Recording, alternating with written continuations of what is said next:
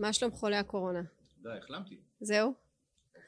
טוב, גם אנחנו היינו בשבוע וחצי קצת אה, קשוחים, אבל אה, בסדר, מה שנקרא, אני, אני שמעתי שיש וריאנט חדש בדרך, אז אה, מדנמרק. BA1 או לא, לא. שקר כלשהו, לא אולי. 2, הבנתי, טוב. אז אה, אני רוצה לספר לך, אנחנו העברנו, אני בוועד הורים, בבית הספר שלנו, של הילדים, ואנחנו העברנו מן הסתם את כל הישיבות לזום. אה, והייתה לנו ישיבת אה, ועד הורים, אני כבר כתבתי עליה וכתבתי עליה בטוויטר, ועדיין היא, היא באמת הותירה בי רושם אה, עמוק אה, לא אופטימי, מדכא מאוד, מדכא במיוחד. אה, אז הייתה ישיבת ועד הורים לפני כשבועיים, משהו כזה, אולי קצת יותר. ובו המנהלת סקרה בפנינו, באמת מנהלת אה, מצוינת. העמידה בית ספר מדהים, אנחנו מרוצים ממנה, היא באמת עם עמוד שדרה מאוד מאוד חזק, והיא סקרה בפנינו את מצב בית הספר אה, בזמן הנוכחי ועם איזה אתגרים הם מתמודדים אה, ומה חסר להם ואיפה אנחנו יכולים לעזור כהורים האמת שהיא לא אמרה איפה אנחנו יכולים לעזור כהורים כי, כי היא הייתה כל כך נואשת. Um, היא סיפרה לנו, דבר ראשון, בקול שלה יכולת לשמוע שמשהו כבר לא בסדר. היא אמרה לנו שאחרי הישיבה שלנו שהתחילה רק בשמונה, הסתיימה בעשר, יש לה עוד שתי ישיבות, בעקבות הודעות על בידודים של עוד איש צוות ועוד אשת צוות וכולי. Uh, זאת אומרת שהיא מסיימת לעבוד מה? ב-12 בלילה או משהו כזה. וכבר מהקול שלה ראית שמשהו לא בסדר וכשהיא התחילה לסקור את הבעיות ואת האתגרים שהיא מתמודדת מולם אני אה, אה, נבהלתי עכשיו אני אני אימא מעורבת ואם אני נבהלתי זאת אומרת אה, אה, אם אני לא ראיתי את, ה, את הבעיות שהיא מדברת עליהן אז אני, אני חושבת מה אנשים שפחות מעורבים אה, ממני מה הם חושבים על בית ספר ואיפה הם, זה תופס אותם ו, וחלק מהדברים ש, שהיא אמרה לנו תמי קוראים לה תמי דבר ראשון אין מורים רגע, אולי נגיד כן. משהו כלום. נראה שהקורונה חווים אותה באיזה שהם שלושה מעגלים. מעגל אחד זה מי שאין לו ילדים בכלל, כן ואז הוא לא מבין את האירוע, בסדר אז אתה מקבל כל מיני הודעות כאלה שמישהו שנבדק פעם ראשונה עכשיו, אתה כזה, מה? כן יש את המעגל הזה של אנשים שאין להם ילדים ואז הם, רמת האדישות שלהם היא מסוג אח- אחד. ויש את ההורים שהילדים שלהם במערכות החינוך והם כל היום באתגר מטורף. מה. עם הלשון בחוץ כן עם הלשון בחוץ, ואז יש מעל את הרובד השלישי שזה המורים והרופאים והאחיות והצוות הרפואי שהם בקריסה מוחלטת, זאת אומרת כן. אנחנו חווים את, ה- את, ה- את, ה- את התקופה הזאתי אה, אני חושב שיש פה קבוצות שונות שחוות אותה בצורה אחרת ואז נוצר פה איזשהו חוסר הבנה כי יש אנשים שזה פשוט עובר לידם, ושכחת את, את, אה, את הקשישים. בוודאי ש... אה, זה מעגל שאנחנו אני אומר, אז יש, יש חווים אותו אחרת חווה, כן חווה את, ה, את האירוע הזה. באמת אנחנו מנסים לשים את הפוקוס על, על המורים כי, כי באמת קודם כל אני חושב שבתור אבא שיש לו חמש בנות במערכת החינוך מורים והגנות אז באמת זה לא מובן מאליו ואני ממש מרגיש שצריך להגיד להם תודה והערכה עצומה על, על העבודה וההשתדלות אבל באמת המצב הנוכחי הוא, הוא שהם הם שחוקים עד דק. אז, אז אני, דק, אני לא רק שיש לי ילדים במערכת החינוך אני גם נשואה ל- למערכת החינוך. אה, בעלי מורה הוא מורה בחטיבת ביניים אה, ממלכתית פה בירושלים אה, ואת כל האתגרים שתמי סיפרה לנו עליהם הוא חווה מגוף ראשון. נכון זה קצת אחרת כי, כי חטיבה יכלו להתחסן לפני תיכון אז, אז היה משהו אה, סליחה לפני יסודי אז, אז זה קצת אחרת בדינמיקה אבל, אבל החולי הוא חולי ש, שעובר כחוט השני לאורך כל, אה, כל גיל מה שנקרא כל אה, מסגרת גם יסודי גם חטיבה גם תיכון כמובן גני ילדים. הקושי הראשון שהיא סיפרה לנו עליו זה שפשוט אין מורים אין אנשי צוות אין מי שילמד את הילדים. עכשיו גם כשיש אז הרבה פעמים זה בייביסיטר. נכון אתה מביא איזה בת שירות כי אין לך אנשי, אנשי צוות ומה היא עושה? היא מראה להם סרט מה היא תעשה? מסכנה. אז היא אומרת קודם כל אין מורים. גם כי כל הזמן חולים. גם כי הילדים שלהם מבודדים הם הורים בעצמם אה, וגם כי השחיקה היא כל כך גדולה בשנתיים האחרונות היא כל כך גדולה וכל כך אין לה מענה שמורים פשוט נושרים מהמקצוע. אז זה, זה הדבר הראשון. אגב אתה גם יכול לראות את זה בגני הילדים. הרי אצ, אצלנו שלשום כמעט לא סליחה אתמול כמעט לא פתחו את הגן גן חובה של הבת שלי כי הסייעת חולה. ואי אפשר לפתוח בלי סייעת, אי אפשר להביא הורה שיחליף או משהו כזה, אז לא פותחים את הגן. כי אין, אין, מחליפים, אין מחליפה, בסוף בשנייה האחרונה אה, מצאו. אבל אנחנו חווים את הסיפור הזה של מצוקת כוח האדם בצורה מאוד מאוד חדה, ובסוף זה, זה הילדים שלנו. כאילו זה לא, ש... זה לא שלא ניקו לך את הרחוב ואז יהיה לך קצת מסר, זה, זה, זה, זה דבר שהוא נזק מצטבר. אם המורים, למת... אם, למשל מורים לספורט, בסדר? אני, הדבר האחרון שעניין אותי בבית ספר היה ספורט. אבל הילדים שלי מאוד אוהבים את, את השיעור של ספורט. וזה שזה לא בנוי נכון ונותנים להם רק לשחק חיי שרה, אז אה, אין מורים לספורט. זהו, אצלנו לא מוצאים כבר שלוש שנים מורה, מורה לספורט אה, אה, בבית ספר של הילדים. זאת אומרת, אתה חווה את זה אה, לאורך כל השרשרת. אני חושב שמה שקורה בקורונה, הקורונה עכשיו אה, מציפה או מדגישה להרבה מאוד אנשים את הבעיות שהצביעו עליהן הרבה קודם לכן, שיש בעיה מערכתית בתוך, בתוך המבנה של מערכת החינוך, שמערכת שהיא באופן יוצא דופן לא יעילה, באופן יוצא דופן מנוהלת קטסטרופלית, באופן יוצא דופן עובדת בצורה גרועה מאוד, אה, אה, שבא, שזה בא לידי ביטוי בהמון המון המון אספקטים.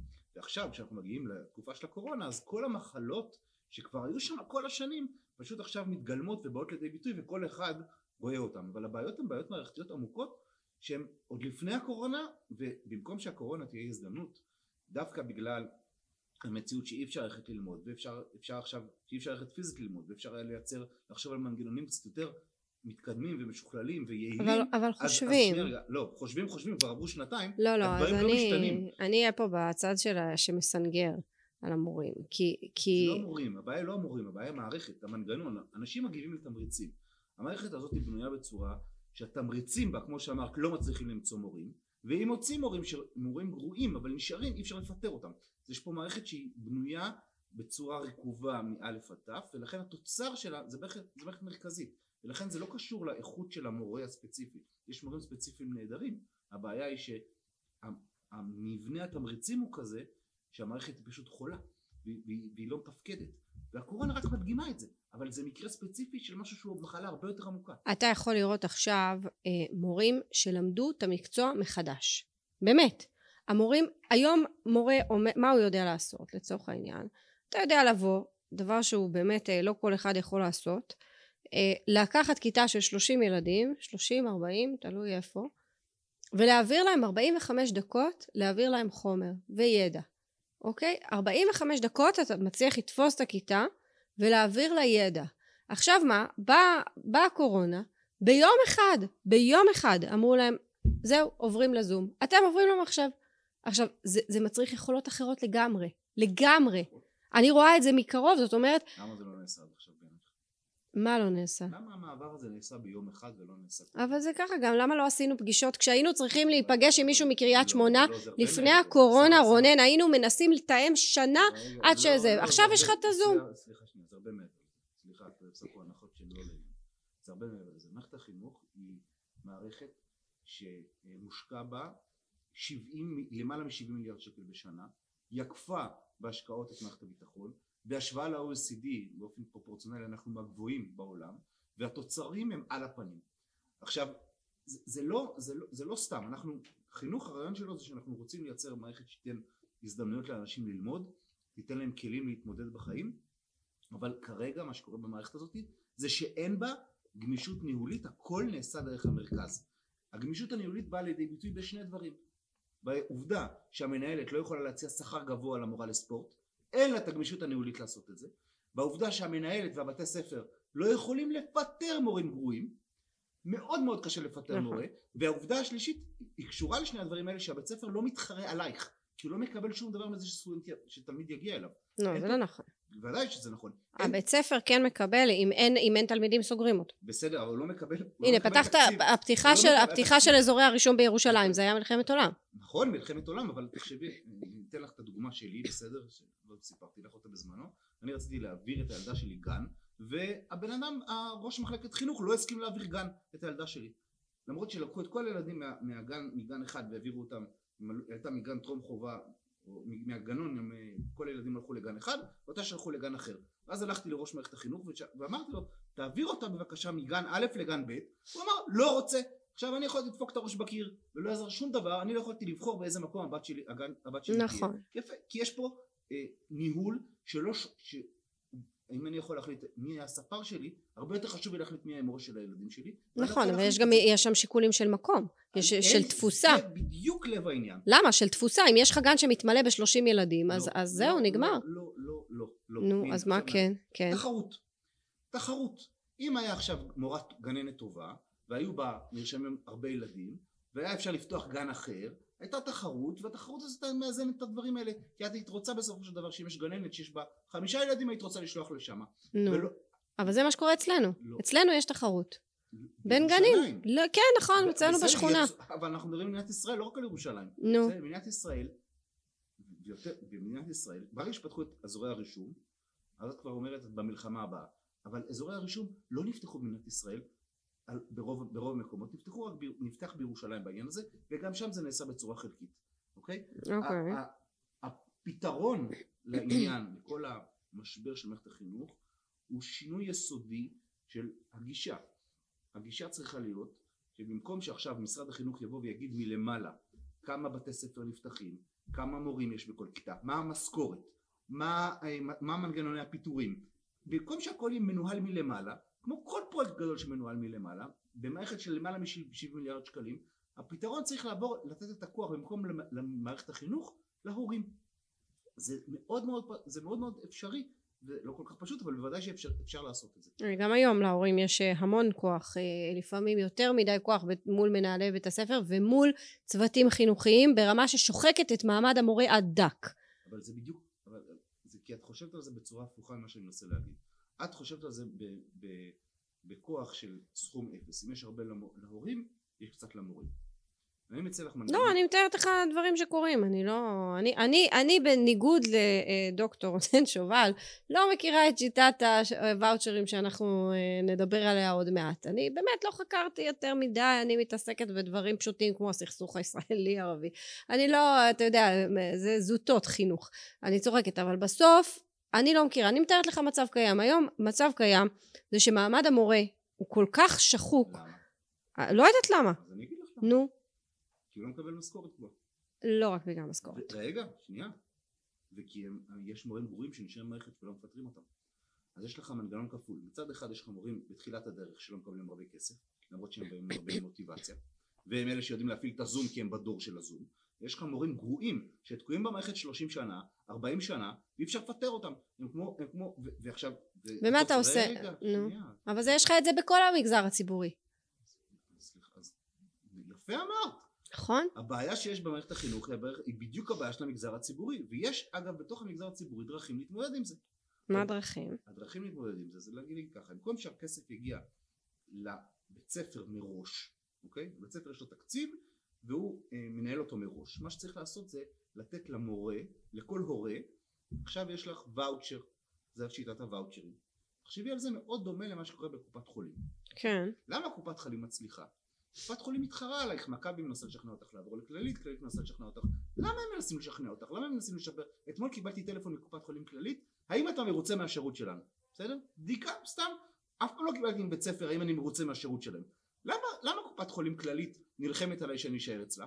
כי הם מקבלים כסף נכון. מהמדינה עליי. אז נכון. הבחירה שלי באיזה קופת חולים להיות, משפיעה על התקציב של קופת החולים. כן. אותו דבר עכשיו את הורה את תקבלי ואוצ'ר שהוואוצ'ר הזה שווה את החלק הפרופורציוני שגם ככה הילד משלם נגיד היום משרד החינוך משלם לילד איקס כסף אז הוא לא ילך לבית ספר בצורה אוטומטית אלא הוא יגיע לבית ספר בהתאם לבחירה שלך עכשיו את תח- תחליטי שאת רוצה לשלוח את הילדים שלך לבית ספר ראשית. ראשית יופי כן. אז בית ספר ראשית יקבל כסף ממשרד החינוך בגלל אבל גם היום הם מקבלים כסף. אבל הם מקבלים כסף בלי קשר לשאלה אם את שולחת לא, הם. מקבלים כסף, מה, הם לא מקבלים כסף פר אה, תלמיד? מלכתחילה, לא בדיעבד, זה בדיוק העניין, הרעיון, הרעיון הוא לייצר מוטיבציה. למה, רגע, למה, הרעיון למה אבל, שנייה, תסביר לי שנייה, אה, הרעיון אה, הוא לייצר דוקטור. מוטיבציה. נו, גמישות, הרעיון הוא לייצר גמישות ניהולית מקסימלית ומוטיבציה. הגמישות ניהולית אומרת, אני מנהל בית ספר. אני כמנהל בית ספר רוצה עכשיו שהערכים של הבית ספר שלי יהיו בית ספר אנתרופוסופי אה, שמלמד אה, אה, אה, מוזיקה אחרי הצהריים. כן. זה מה שעכשיו אנחנו כהורים רוצים. עכשיו אנחנו יכולים ללכת ולהקים בית ספר כזה ועכשיו אנחנו נקבל כסף ממשרד החינוך בסדר? מהמם. כי אני ואת החלטנו שזה זה הערכים שאנחנו רוצים והורים אחרים החליטו שמה שהם רוצים זה בית ספר שנותן בו הרבה אה, אה, לימודי תורה וחסידות והורים אחרים ירצו טבע תסביר משנה לי מה. אבל במה זה שונה מהמצב היום עם פתיחת אזורי הרישום בירושלים. לצורך העניין, החטיבה של, של בעלי, כן, הם עושים ימי, אה, ימי שיווק. הם, כדי למשוך תלמידים, הם עושים ימי א', שיווק. זה, זה שונה בשני דברים כן, א', זה שונה בזה שזה לא מיושם בכל הארץ אלא מיושם רק בירושלים אוקיי. זה אחד שניים רמת הגמישות הניהולית שיש למנהל אז הנה, עכשיו אה, לא תשמע את זה ממני הרבה, ממש ממש לא, אה, אבל האם- יש לי מילה טובה להגיד זה על שרת החינוך לא, שאשא ביטון. נו, האם המורה שלך, המנהלת אתה לא שלך, סקרן לדעת מה- המילה הטובה? האם חבל. המנהלת שלך כן. יכולה להחליט שהיא נותנת למורה לספורט שהיא מוצאת 30 אלף שקל? לא. לא, למה לא? כי זה, השכר, השכר הוא נקבע מראש לפי דרגות, לפי אה, שיטת אה, ותק וכולי. יפה. אז הנה מכאן מתחילה הבעיה.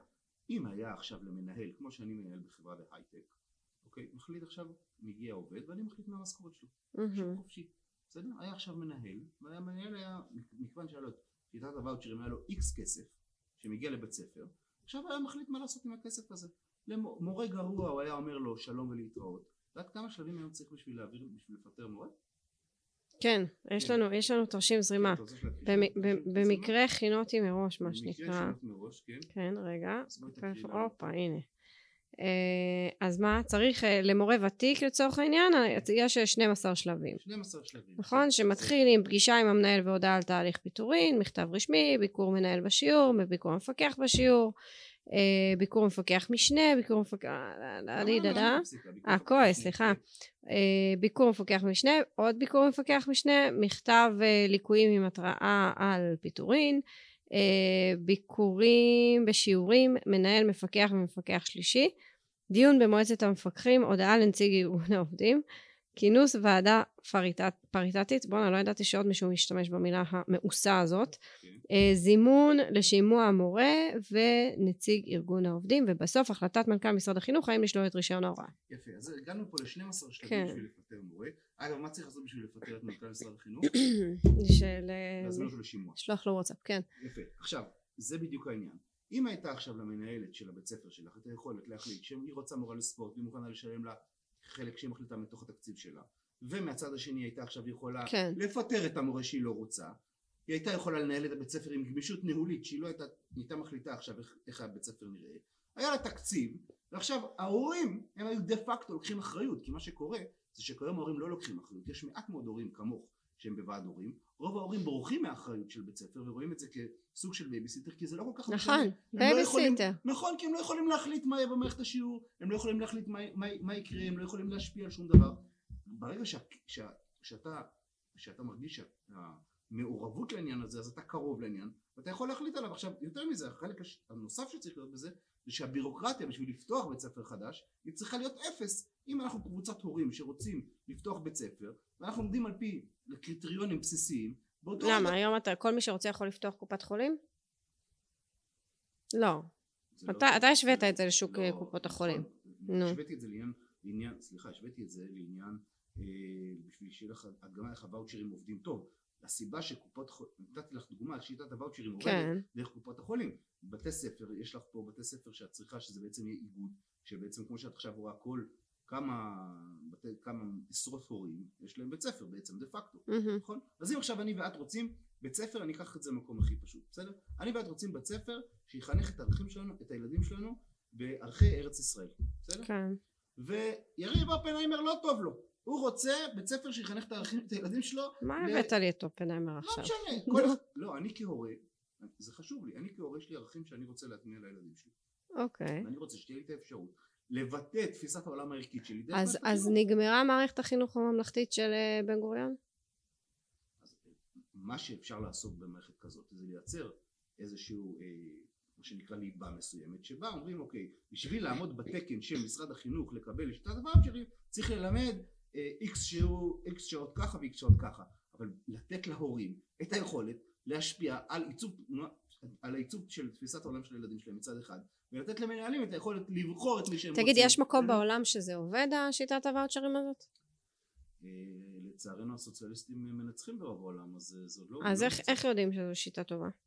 אין, מה יש בארצות הברית? אין לי מושג. לא, אז... מה- לא, מה קורה הברית שם? יש מערכת חינוך כפולה, יש מערכת חינוך פרטית ומערכת חינוך נכון. ציבורית, אז זה לא, זה לא, לא דוגמה טובה למה שהולך שם. אני לא מכיר דוגמאות בעולם לעניין הזה ש- שמומשו. אה, אני יכול להגיד לך דוגמאות כן, אה, ממערכת הבריאות שלנו שרואים שזה עובד.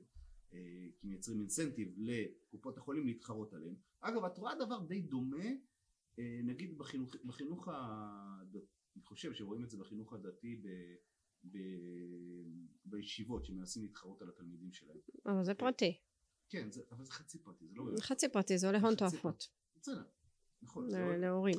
נכון, אבל אני אומר, את רואה שיש מאמץ מודע של אה, בתי הספר להיות, להיות אטרקטיביים כלפי ההורים, להיות אטרקטיביים כלפי התלמידים, לנסות למכור את עצמם, לספר את הסיפור. עכשיו בוודאי שזה לא ממצה את עצמו מכיוון שאין להם גמישות ניהולית כמו שהיינו רוצים שזה יהיה, אבל הדבר, אבל בסופו של דבר בשביל לייצר, לייצר גמישות עכשיו שתיתן אינטרס ל, אה, לבית ספר ותמשוך את הטובים ביותר להוראה אנחנו צריכים לייצר גמישות ניהולית אבל, אבל רונן, זה משהו, אני חושבת ש... טוב, אני, אני בגדול אה, לא מעריצה גדולה של ארגוני עובדים, כן? אבל בסוף, הסיפור הזה, למשל של קביעות, בסדר? גם, יש לך אותו בכל המגזר הציבורי. זה אסון לכל ובכל המגזר. המגזר הציבורי הוא, הוא בעיה. נכון. מצד שני זה יוצר לך גם בעיה מה אתה עושה למשל עם מורה שהוא 30 שנה במערכת והוא מתקרב לגיל פנסיה והוא לא בגיל פנסיה מה, מה אתה עושה עם עובדים מבוגרים? מה אתה עושה? בדיוק כמו שאני עושה במגזר הפרטי אני לא מבין מה ההבדל מה אתה עושה איתם במגזר הפרטי? הם לא מוצאים. עבודה בהייטק בגיל אה, 50 תראה, מה היופי בקפיטליזם? מה היופי? אנחנו, זאת הכותרת של הפרק שלנו מה היופי בקפיטליזם כן שהאדם מקבל כסף. בהתאם לערך שהוא יוצר לזולת. אנחנו מייצרים ערך לזולת ועל זה משלמים לנו. אוקיי? זה הקפיטליזם. אתה עכשיו מייצר שוקו טוב ואנשים באים. לקנות ממך את השוקו אז אתה יכול לגבות הרבה כסף על השוקו הטוב הזה כי יצרת ערך לזולת. קפיטליזם אתה רק מקבל כסף ואתה יוצר ערך. נכון לא ומה, ערך. ומה אתה עושה עם אתה לא- אנשים ש, שהם אה, שאין להם יכולות לייצר ערך אז את רוצה, תקשיב מה את אומרת, את אומרת לי שאנשים שאין להם, שהם לא מלמדים טוב. לא סליחה אני, אני, אני לא אכניס לא אני לא לא לא אני לא בגלל שהם, אני רוצה שמי שילמד לי את הילדים לא- זה אנשים שלא מלמדים טוב, לא, הם זה לא מה שאני. אומרת. לא, אני. אומרת שאתה צריך לקחת בחשבון שיש מורים שנמצאים במערכת 30 שנה, ושבגיל 60 אף אחד לא ייקח אותם לשום מקום, ואז אתה, אתה עלול ליצור שכבה של, אה, של מורים, לא רק מורים, גם uh, פקידים בלשכות uh, במשרדי ממשלה, זה לא משנה, אנשים בגיל 60, שכביכול לא מייצרים ערך, יכול להיות שלא נתת לו את לא האינסנטיב הנכון. אני לא אומר את זה, להפך, אני חושב שאנשים בני 60 יכולים ועוד איך לייצר ערך. זה בכלל לא קשור. ש- זה בכלל לא קשור, להפך, יכול יכול להיות בן אדם בן 60 ש... או בן 70 שמייצר המון המון ערך ונרצה לשלם לו הרבה יותר. זה, זה בכלל לא קשור, השאלה היא, השאלה היא לא מה הגיל של הבן אדם, אלא מה היכולות של אותו בן אדם קונקרטי, יכול להיות בן אדם שהוא, תראי אם היו שמים אותי בכיתה להיות מורה בבית ספר יסודי, כנראה הייתי מביא ערך מאוד מאוד נמוך, כי אני מורה גרוע לילדים קטנים, היית בסדר? מצטרף לילדים. הייתי כן. מתעצבן עליהם והייתי מורה גרוע, בסדר? כל אחד צריך, ל- אתה צריך למצוא את המקום ש, שאתה מביא הכי ערך לעולם ולזולת והערך הזה מתוגמל בהתאם לערך שאתה מביא לעולם אם אתה עכשיו מביא מעט ערך כי אני הייתי עכשיו מורה גרוע אם הייתי בבית ספר יסודי אז הייתי מביא מעט ערך אז הם משלמים לי מעט ואם אני מביא הרבה ערך אז הם משלמים לי הרבה זה, זה טוב. לא קשור לגיל של האדם זה קשור ליכולות אני, שלו אני כן רוצה להגיד מילה טובה על שאשא ביטון, אה, למרות שבאמת, מה שנקרא כוכבית. אה, כי עכשיו, אה, בתקציב האחרון התחילו להעביר כסף ליותר עצמאות מנהלים. כלומר, ש, שלמנהל יהיה תקציב לא למשכורות, לא להיסחף, אבל לדבר, לניהול בית הספר שלו, מה שהיום אין להם שום גמישות ניהולית בכלל. עכשיו יש פרק באותו תקציב החינוך ש, שסקרת קודם, יש פרק, יש חלק, שרגע, לפני שאתה מאבד את הנשימה, אה, לא, יש חלק. כאילו הבעיה יש כל ש- כך הרבה כסף אז בוא ניתן עוד כסף בשביל שעוד יותר לא יעשה לא. איתו שום דבר באמת הכל הפוך סליחה הכל הפוך, אבל אתה. אתה, אז, גמישות ניהולית זה אומר. שהמנהל יחליט מה עושה עם הכסף כמה הולך כמו בעסק. יש לי חברה אני מחליט כמה כסף יוצא לעובד א' ולעובד ב' בסדר, אבל בהינתן מערכת החינוך, וכל מה שאני צריך לעשות בשביל לפטר עובד זה לעשות לו שימוע אם הוא לא טוב. סטו אני אשים אותך שר החינוך והכל יהיה הרבה יותר טוב. רגע, אבל. אבל, אבל, במילה אחרונה, התוכנית הזאת של אחריות, של גמישות ניהולית של מנהלים התחילה בפורום קהלת, וצריך להגיד את זה, ואומצה בחלקה, אה, חלקה קטן מאוד, על ידי אה, שרת החינוך הנוכחית, ואולי זה תחילתה, ש- תחילתו של תהליך, מה אתה אומר? זה לא תחילתו של תהליך. לא, אגב, אני לא בטוח שזה בגלל אה, שרת החינוך, אלא בגלל... לא, היא בורג קטן במערכת הזאת. יש- בעצם אין לנו שרת חינוך, בעצם יש לנו אה, אה, רן ארז ויפה בן דוד, שהם אה, מתנהלים כדיקטטורים לכל דבר ועניין, ומכריחים את המורים להתאגד, ומכריחים אותם לשבות.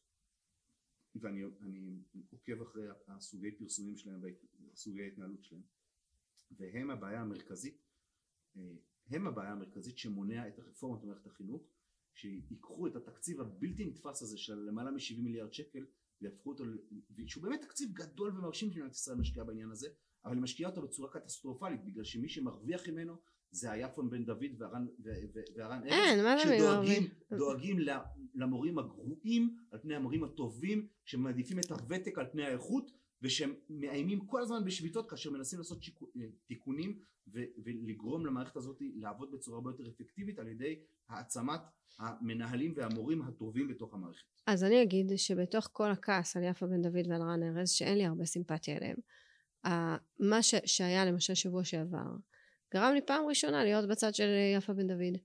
כי המערכת כל כך לא מתייחסת למורה ולמנהל ולגננת, שבסוף הם צריכים להתאגד. הם צריכים להתאגד, ומי ששומר על האינטרסים שלהם זאת יפה בן דוד, וכמו שהיא אומרת, אני לא נחמדה. ממש לא, ממש לא. אני אומרת לך את זה, שזאת לא. התחושה של הרבה מאוד מורים. אתה יכול להגיד ממש לא. אני חיה עם אחד, גם ישנה איתו בלילה, ואני אומרת לך ש, שהוא אומר בסדר, אבל בסוף המערכת משתינה עלינו, והיא שומרת עלינו. בנימה אופטימית זו? לא, לא. לא? אני אגיד לך את ה... אני אמשיך לך את המשל הזה רק עד הסוף, בסדר? טוב. זה טיעון, טיעון אה, של רוסו. אם כל אחד דואג לאינטרס שלו, אף אחד לא דואג לאינטרס הכללי. אם כשאת חיילת את דואגת לאינטרס של החיילים, וכשאת מורה לאינטרס של המורים, וכשאת מורה לאינטרס. של ההורים, אף אחד לא חושב על האינטרס הכללי. והבעיה של היפה בן דוידים זה שבעצם אנחנו במנגנון ציבורי שבו במקום שמשרד החקלאות ידאג לאינטרס של אזרחי ישראל הוא דואג לאינטרס של החקלאים. נכון. במקום שמשרד הביטחון ידאג לביטחון של אזרחי ישראל, הוא דואג לפנסיות התקציביות המושחתות של, של, של הקצינים הבכירים. ובמקום שמשרד החינוך ידאג לחינוך של התלמידים שלנו, הוא דואג לאינטרסים של המורים. וכל משרד ממשלתי דואג לאינטרסים של קבוצת הלחץ שלו, ובסופו של דבר אנחנו נקרעים מזה, כי כל אחד מושך לקבוצת הלחץ שלו ולא חושב על האינטרס הכללי. כן, אבל, אבל והאינטרס יבוא... הכללי שלנו, האינטרס הכללי שלנו הוא בדיוק הפוך. הוא בדיוק לשחרר אותנו מהיפות בן דוד, לשחרר אותנו מהרן ארזים, ולגרום לכך שמי שילמד את התלמידים שלנו זה המורים הטובים ולא המורים החזקים. אבל, המורים אבל תבוא, המוצלחים אבל... ולא המורים.